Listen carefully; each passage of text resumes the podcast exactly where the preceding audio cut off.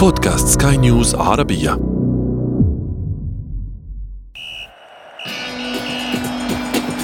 أثير الكرة.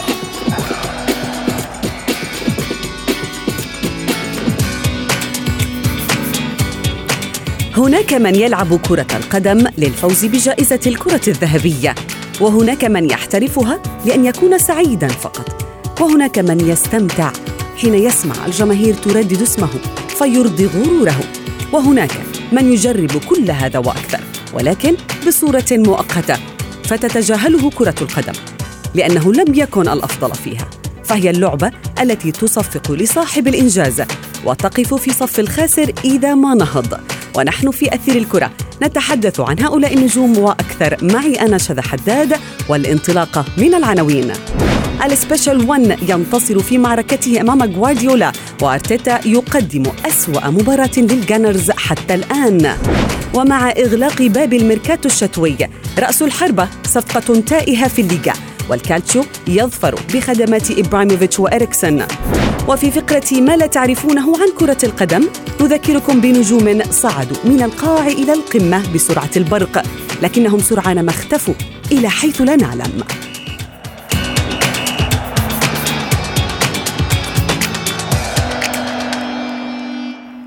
أهلا ومرحبا بكم مستمعينا الأعزاء في حلقة جديدة من برنامجكم الرياضي أثير الكرة. اليوم سنفتح وإياكم عدة مواضيع شيقة ولكن قبل ذلك دعونا نتعرف على آخر الأخبار والنتائج التي دوت في سماء اللعبة هذا الأسبوع.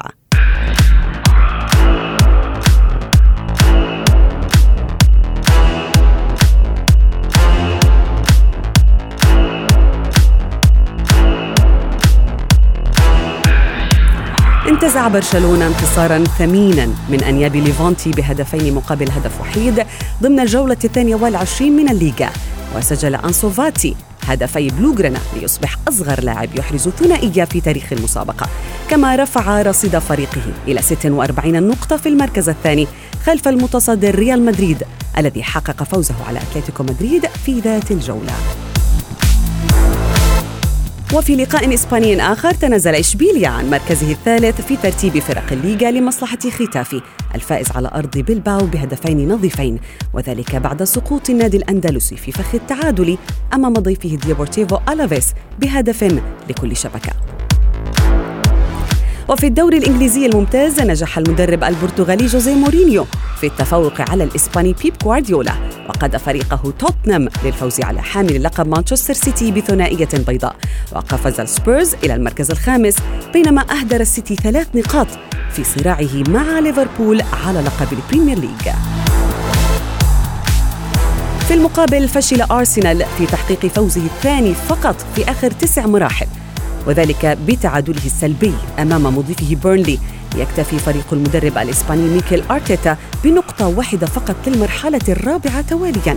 وبهذا يبقى الجانرز في المركز العاشر ب 31 نقطة وبفرق الأهداف أمام ساوثهامبتون ونيوكاسل وبيرنلي. وفي الدوري الإيطالي ضرب البلجيكي روميلو لوكاكو بقوة في المرحلة الثانية والعشرين وأعاد إنتر ميلان إلى الوصافة بالفوز على أودينيزي بهدفين دون رد. وهو الانتصار الأول للنيراتزوري بعد ثلاثة تعادلات متتالية يرفع الإنتر رصيده إلى 51 نقطة في المركز الثاني وبفارق ثلاث نقاط عن يوفنتوس المتصدر. وعلى الطرف الآخر نجح كريستيانو رونالدو في معادلة إنجاز عمره 14 عاما وذلك حين سجل هدفين في مرمى فيورنتينا محققا الفوز لنادي السيدة العجوز. وبتسجيله أمس يكون رونالدو قد زار الشباك للمرة التاسعة على التوالي في الكالتشيو ليعادل إنجاز الفرنسي ديفيد تريزيجي الذي تحقق في ديسمبر في ديسمبر من عام 2005 وفي لقاء ضمن المرحلة العشرين من الدوري الألماني لكرة القدم حقق كولون أكبر فوز له منذ 2017 وذلك على حساب ضيفه فرايبورغ برباعية نظيفة. وبأكبر انتصار له في دور الأضواء رفع كولون رصيده إلى 23 نقطة في المركز الرابع عشر بفارق ست نقاط عن منطقة الخطر. وعربيا خسر الجزيرة من ضيفه الوحدة بهدف دون مقابل في ختام الجولة الخامسة عشرة من دوري الخليج العربي. وتجمد رصيد الجزيرة عند 27 نقطة وظل في المركز الرابع متقدما بفارق نقطة واحدة عن الوحدة الخامس. أثير الكرة.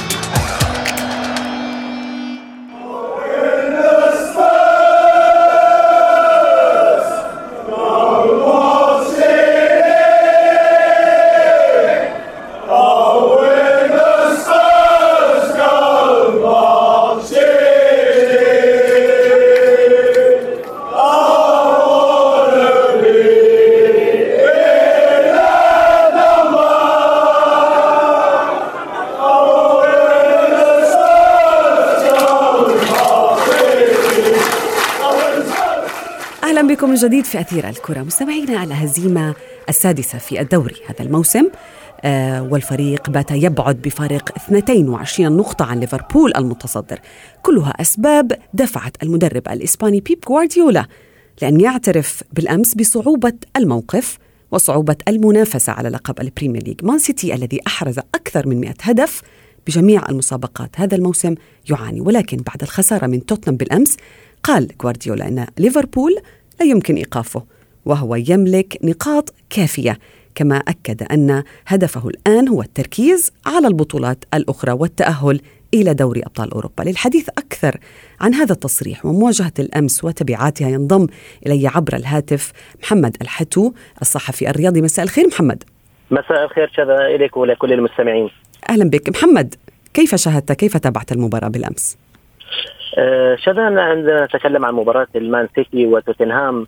توتنهام عندما يتفوق على المان سيتي بهدفين نحن نتكلم عن مواجهة ما بين آه، مورينيو وبين جوارديولا نعم. وهذا الصراع والتنافس الشهير في عالم كرة القدم. أعتقد إنه توتنهام عرف كيف يتغلب على السيتي بالواقعية وبالمنظومة الدفاعية والترسانة الدفاعية التي فرضها والاعتماد على الهجمات المرتدة. في المقابل مشاكل جوارديولا ومشاكل مان سيتي هي واحدة. آه، دفاع آه، سيء للغاية في هذا الموسم. منذ رحيل كومباني عن الفريق آه، بداية الموسم الحالي.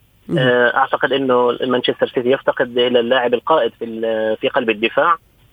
عودة فرناندينيو إلى المنطقة الدفاعية. عندما بدل من اللاعب من لعب مركز الوسط المتأخر اثر كثيرا على الفريق. آه، المان سيتي حاليا يعاني ويعاني جدا. الفاعلية بكرة القدم ضرورية جدا آه، بغض النظر عن الاستحواذ. آه، صحيح انه المان سيتي سنحت له فرص للتسجيل واهدر 18 محاولة على المرمى للسيتي بالأمس محمد مقابل ثلاث فقط لتوتنهام وتوتنهام سجل هدفين.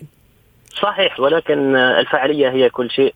يعني عندما كان جوارديولا مع برشلونة كان يسيطر على الكرة بنسبة 82% وبنسبة 85% ولكن آه، في عدد من المباريات كان يخرج خاسرا. المسألة تتعلق بالذهنية والتكتيكية العالية للمدرب وقدرته على آه، صنع الفرص الحقيقية للتسجيل. تصريح خطير من جوارديولا بالحديث عن المدرب الملعب. محمد. يعني وكأنه أفقد السيتي الحافز فقط للقتال.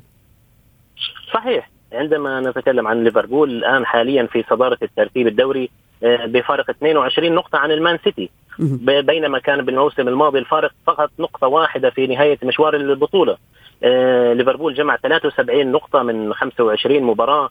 المان سيتي في المقابل 51 نقطة. حتى إذا عقدنا آه، مقارنة بسيطة بين السيتي وليفربول عدد الانتصارات ليفربول محقق 24 انتصار السيتي 16 السيتي تعادل ثلاث مباريات وليفربول واحدة فقط. ليفربول لم يخسر ولا مباراة بالمقابل السيتي ست هزائم. نعم ويبحث عن الدرع الذهبية ليفربول يعني الموسم طبعا. أو اللقب من دون أي هزيمة. ولكن بالنسبة لي آه سيتي هل ممكن أن نشاهد شكل آخر في دوري أبطال أوروبا؟ كون جوارديولا يقول أنه الآن يركز على هذه البطولة. على ونحن على أبواب أن, أن تنطلق الدور المقبل. نعم. على على جوارديولا التفكير جيدا في دوري أبطال أوروبا خصوصا إنه آه، سياسة النادي آه، يعني تتكلم بشكل مكثف عن هذا اللقب لأنه الدوري الدوري الإنجليزي حصل عليه مانشستر سيتي أكثر من مرة وتوج باللقب آخر موسمين فآن الأوان التفكير بدوري أبطال أوروبا ولكن هذه البطولة غير مضمونة لأن نعم. لأن لأن الفريق سيواجه آه، فرق من طراز عالي جدا أيضا نعم. هناك المنافسة برشلونة تكون هناك ريال نعم. مدريد وهناك اليوفنتوس فهناك أندية قوية جدا على اللقب نعم السيتي عنده مشكلة كبيرة أنه تلقى في هذا الموسم آه، 29 هدف مهم. وهذا يؤكد إنه المنظومة الدفاع. الدفاعية لجوارديولا سيئة جدا مهم. لابد أن أسألك عن آه، أسوأ مباراة في هذه الجولة كانت لأرسنال هذا الموسم في الدوري يعني في كل مرة يحاول الجانرز أو الفريق أو أرتيتا تصحيح الأمور ينتكس أكثر فأكثر ارسنال تعادل بالأمس مع بيرنلي بنتيجه سلبية. آه هذا النادي العريق والكبير اللي محقق 13 بطولة في الدوري الإنجليزي آه، اخرها بال 2004 آه، يعاني وما زال يعاني. آه، جماهير النادي تكلمت بعد رحيل فينجر آه، إنه الفريق سيعود ويعود أقوى من من السابق وكان الكل يطالب برحيل فينجر العجوز واستبداله بمدرب شاب. ولكن ال- الخليفة الذي حضر بعده اللي هو المدرب الإسباني ايمري ما كان بالصورة المناسبة وأكد آه، سوء سوء خيار إدارة النادي. آه، لذلك أعتقد آه، شذا انه هناك عدد آه، كبير من من ال- التي أدت إلى سقوط وانهيار آه، نادي بقيمة آه، ارسنال،. أرسنال حاليا نعم. في الترتيب العاشر على الدوري، نعم آه، لم يجمع النقاط كافيه رحل فينجر وبالفعل. رحل التاريخ معه محمد رحل الحتو لقد كان ورحل- لقد كان هناك أرسنال بالفعل محمد الحتو الصحفي الرياضي شكرا جزيلا لك?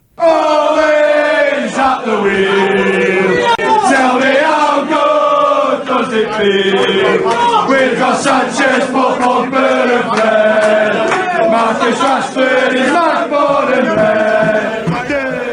مستمعينا أغلق سوق الانتقالات الشتوية أبوابه مطلع هذا الأسبوع. سوق كان هادئ في مكان ولكنه مشتعل في مكان آخر. بعض الأندية بالفعل نجحت لسد ثغراتها والتغلب على نقاط الضعف فيها بعد مرور نصف الموسم. ولكن هناك العديد من الفرق التي أخفقت في تعويض المصابين لفترة طويلة. دعونا نتحدث عن أبرز ما جاء في سوق الانتقالات الشتوية 2020 مع المحلل الرياضي بلال فواز. بلال مساء الخير.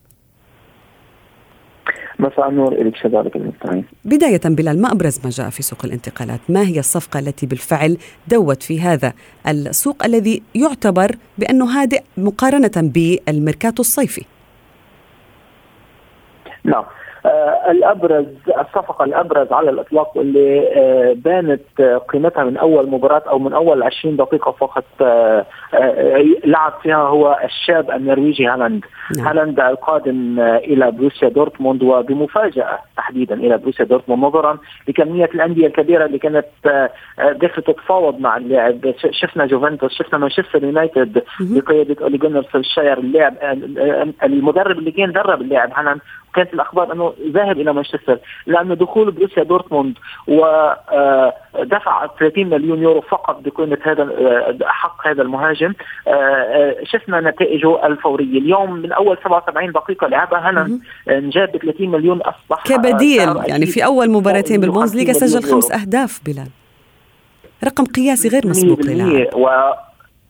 100% و 100% يعني اليوم اليوم حديث حديث حديث كل الناس هالاند آه، يعني اذا إذا بنشوف التحليلات وبيقولوا إنه إذا استمر على نفس الوتيرة هذا اللاعب سيكون هو ثالث أو ثاني أفضل الهدافين بنهاية الموسم بالدوري الألماني وهو اللي قادم بموسم الشتاء نعم. اذا صفقة هالاند بقيمتها المعنوية وقيمتها على أرض الملعب هي الأبرز على الإطلاق مم. إنما هناك صفقات أخرى كمان بالاسم آه، كانت آه، كمان معبره اليوم آه، الشاب آه، آه، الشاب على أرض الملعب لكن الكبير بالعمر إبراهيموفيتش عاد. من جديد إلى الروسونيري الخبرة، إلى صاحب الخبرة. الإيطالي قادما قادما من أمريكا.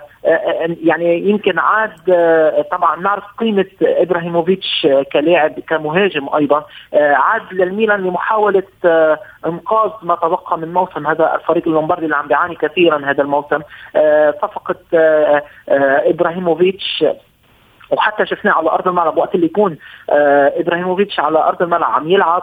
يكون الميلان آه غير الميلان بغياب إبراهيموفيتش على الرغم أيضا من أنه يعتبر صفقة جديدة. شفنا تعادل بآخر مباراة بغياب إبراهيموفيتش نعم. آه بال- بالمباريات اللي لعب فيها ربح ستة من سبع مباريات آه الميلان. نعم. بالتالي كمان تأثير آه إبراهيموفيتش لهلأ واضح على الإطلاق. الكالتشو الصفقة كسب في الميركاتو من خلال إبراهيموفيتش وأيضا اريكسن في إنتر ميلان. الكالتشيو أو أو إيطاليا كسبت في هذا السوق؟ على عكس الفرق لنكون مثلا.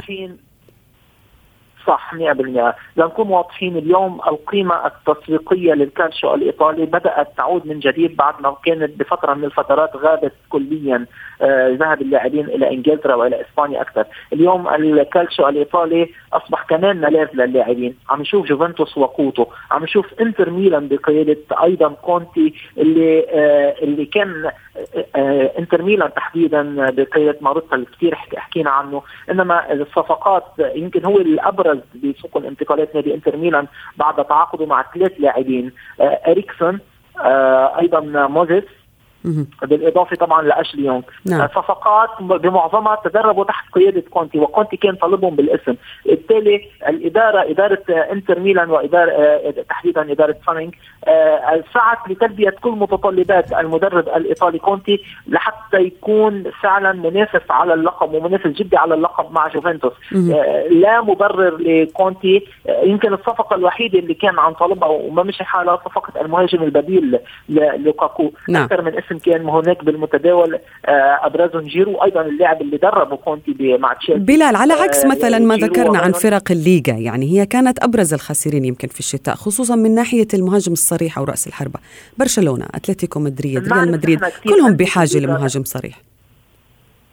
صح صح. لكن بنعرف أندية الليغا تحديدا الأندية الكبيرة عم نحكي عن برشلونة وريال مدريد يسعون لجلب الصفقات الكبيرة. بنعرف نحن كثير بيشتغلوا على صفقات صفقات الانتقالات الصيفية لأنه أسماء بتكون كبيرة.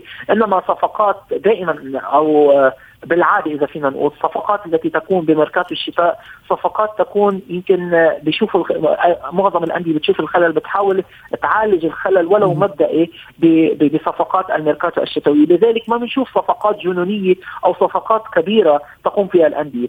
على العكس من ذلك عم نشوف حتى برشلونة وريال مدريد إذا عم نحكي عن الناديي الأبرز بالليغا اليوم السياسة تغيرت عندهم. عم نشوفهم اثنيناتهم عم يتنافسوا على لاعبين شباب صغار بالعمر لأنهم عم بيحاولوا انه يبنوا بيتنافسوا لربما من الاكاديميات أكثر من إنه آه، عينهم بتكون على الأندية الأخرى. صح صح لأنه لأنه عم بيفكروا بالمستقبل عم بيفكروا بالمستقبل بحاول محاوله إيجاد بدائل للاعبين عم يشوف كبار بالعمر. بالتالي وحتى اثنيناتهم عم بيروحوا صوب المدرسة البرازيلية. المنافسة عم نعم. تكون على لاعبين آه، شباب إن كان بالمدرسة البرازيلية أو المدرسة الأمريكية اللاتينية. آه عم بيروحوا لحتى يضموا لاعبين صغار بالعمر ممكن يستمروا إعارة مع مع مع فرقهم أو ممكن يضموهم. ولا هم صغار بالعمر لكي يبنوا عليهم لصقل موهبتهم يعني كما فعل ريال مدريد مع الموهبة البرازيلية واكتشاف فلامينغو جيسوس رينير عندما وقعه في صفقة الانتقال نعم نعم. بلال فواز الصحفي الرياضي كنت معنا من بيروت. شكرا جزيلا لك.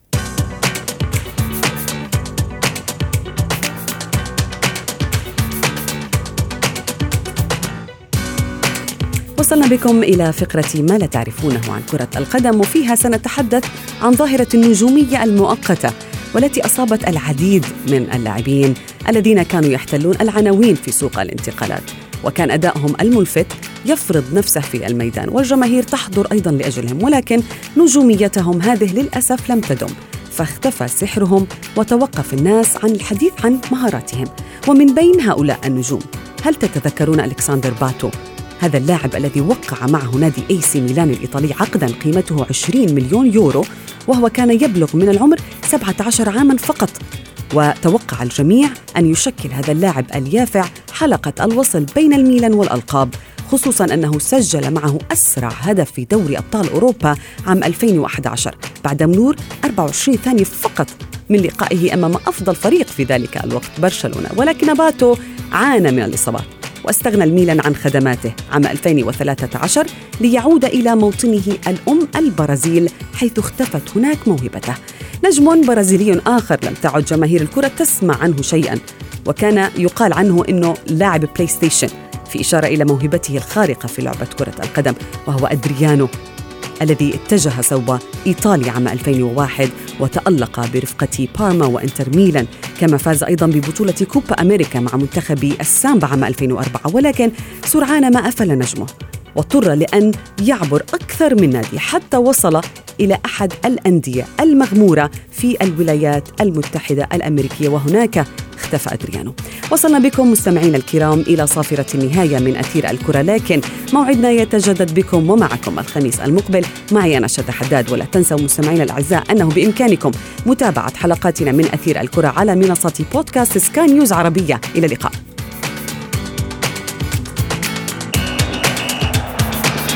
أثير الكرة.